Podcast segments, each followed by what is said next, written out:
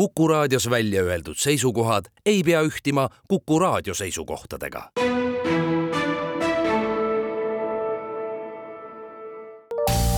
terviseks. Saadet toetab Lääne-Tallinna Keskhaigla, vaata ka keskhaigla.ee tere, head Kuku kuulajad, eetris on saade Terviseks ja me räägime täna ortoreksiast. mina olen Ingela Virkus ja minuga on stuudios Lääne-Tallinna Keskhaigla toitumisnõustaja ja toitumisterapeut Külli Holsting, tere! tervist! enne kui me ortoreksiast rääkima hakkame, milliseid toitumishäireid täna üldse siis tuntakse või millised on need levinumad, et äh, natukene ma juba reedan ära, et ortoreksia vist ilmselt siis käib ka sinna toitumishäirete alla, et millest on nagu rohkem räägitud, on ju anoreksia, mille puhul siis äh, pigem ei sööda või siis süüakse väga minimaalselt, võite muidugi täpsustada pärast, aga ja siis teine on buliimia, et süüakse, aga siis näiteks oksendatakse välja kõik see, mis süüakse, et Need on sellised kaks põhilist, millest ilmselt on äh, nagu meedias väga palju räägitud, aga, aga millised veel levinud on tänaseks? Kindlasti jah, kõigepealt äh, anoreksia on kõige-kõige levinum ja kõige ka tuntum ja, ja võib-olla ka kõige rohkem ka räägitud tänu sellele. ja midagi pole teha, aga need teised toitumishäired võivad omavahel ka kõik seguneda. et ka buliimia, kus siis jah, toidu väljutamine, kas siis oksendamise või ka kõhulahtistite äh, kasutamisel, äh, siis püütakse sellest toidust vabaneda ja esineb ka veel selline pingesöömine ehk et ping eating ehk et just selline, kus pinge korral äh, või ka lihtsalt emotsionaalse ebamugavustunde korral püütakse toiduga suruda oma tunded maha. ehk et süüa ennast nii kurguauguni täis või nii tundetuks, et see halb tunne ei oleks enam kuidagi piinav. ja sageli need käivad ka nagu kordamööda, ehk et kord siis on nagu õgitakse nii palju sellesama pinge söömishoo korral. kas on siis emotsionaalne toitumine, et ongi see jah, ta on pigem seotud ikkagi emotsioonidega, pingetega ja, ja sellise stressi, aga mõnikord ka sellise ärevusega, et siin võib olla jah, väga mitmeid põhjusi, mis ongi siis nagu psühholoogide pärusmaa, aga kuna nad jah, võivad toimuda nagu käsikäes, et kord siis on ju ka nälgitakse, siis kord kasutatakse lahtisteid või siis on ju kõgitakse ja on ju ka oksendatakse välja, et siin võib olla ka selline võimalus, et kõiki seda esineb äh, mingil moel, mingil määral. nii et see on jah, selline keerulisema diagnoosi äh, panemise kunst. aga, aga no kõige suurem probleem on ikkagi see, et kõigi nende nende puhul on seotud alati emotsioonid, inimese enesehinnang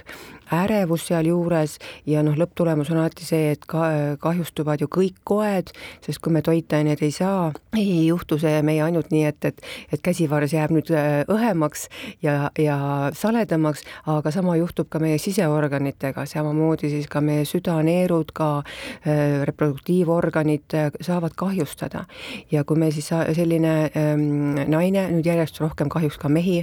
satub selle küüsi siis jõuab viljakusikka, siis võibki juhtuda, et see on ka üks viljakuse üks põhjusi.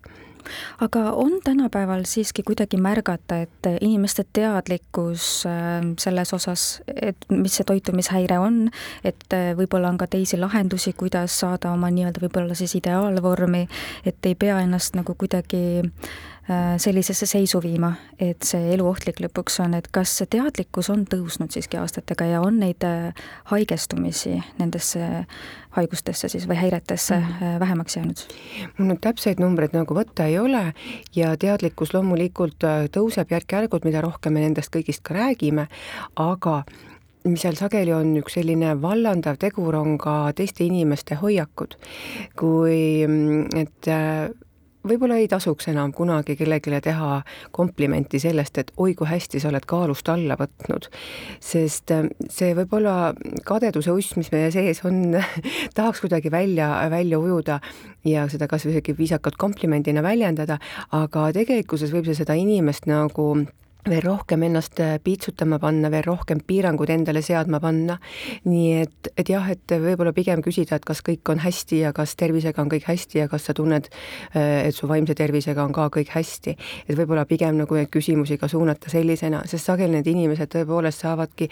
või sageli ka kirjeldavad oma sellise haiguse algust sellest, et oli vaja seda ühte piiska, seda ühte märkust, seda ja see ei pruukinud olla alati negatiivne, see võiski olla just täpselt see, et, et sinu vihavaenlasest sõbranna tegi sulle komplimendi, et peale seda aga võtab selline inimene ennast veel rohkem kokku ja arvab, et veel rangema mm, söömise piiramisega saan ma veel paremaid tulemusi ja siis ma talle näitan. ehk et see võib ühesõnaga saada alguse mingist täiesti sellisest, meie arvates võib-olla mitte üldse tõsisest ja tõsiseltvõetavast ühesõnaga lausest. ma mainisin muidugi eelmises küsimuses äh, ideaalvormi, et, et see on justkui nagu siis see eesmärk, aga kas alati ikka on see, see eesmärk, et et eks nad on kõik omavahel kuidagi ka seotud, aga kas teinekord on see kuidagi võib-olla ka enese piitsutamine või, või karistamine? Võib-olla, aga see võib olla ka selline perfektsionism mm -hmm. ehk et ühesõnaga, millega siis äh, tekibki tunne, et äh, ma saan kontrolli vähemalt oma toitumise üle, kui ka maailmas kõik muu võib-olla ei allu mu kontrollile, siis selline kontrolli tunnetamise vajadus võib läbi toidu küll täiesti ka ilmneda. eks põhjusi võib olla muidugi väga palju, aga loomulikult lõpuks tuleb ka mängu siis selline väärastunud kehataju, kus see ühesõnaga vorm on ammu juba ühesõnaga menetatud ja on tegemist ühesõnaga ülikõhna inimesega, kelle välimus kindlasti enam ilus ei ole aga teiselt poolt on jah, siis need inimesed, kes tahaksid nagu väga tervislikult süüa ja mõeldeski see, et, et et, et nad kaaluvad väga tõsiselt, mis on üldse tervislik, mida ma üldse võin süüa. ja kui nad siis ähm, kaevuvad infoallikatesse ja leiavad, et jah, sellel siiamaani tema arvates väga tervislikul toidul võib olla ka mitmeid ebatervislikke osasid. noh, näiteks sama taimetoitki, eks ole, loomulikult ka taimed on üks osa loodusest, kaitsevad ennast äh, nii päikese kui kahjurite eest kui mingite haiguste eest ja on siis on ka nendele tekitanud sellised antitoitained, mis nagu väikeses koguses enamasti meie kehal üldse probleeme ei tekita, meie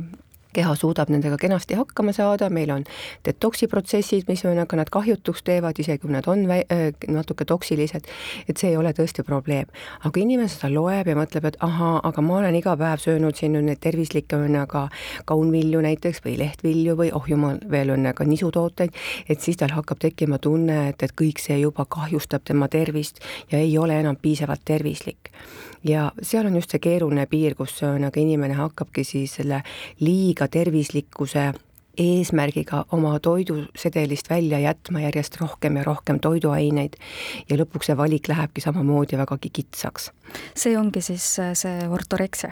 jah, seda võibki siis nimetada ortoreksiaks, ehk et püüd süüa maksimaalselt tervislikult ja neil on, tekib hirm ebatervisliku toidu vastu või toidus sisalduvate mingite ebatervislike ühendite vastu. see on äh, selles mõttes vist küllaltki uus, et diagnoosina teda täna veel ei panda, aga samas ikkagi äh, on see levinud, ma saan aru? jaa, loomulikult, et mida rohkem on äh, inimesi, kes järjest rohkem tahaksid olla teadlikud või kes peavad enda rolliks olla teistele eeskujuks,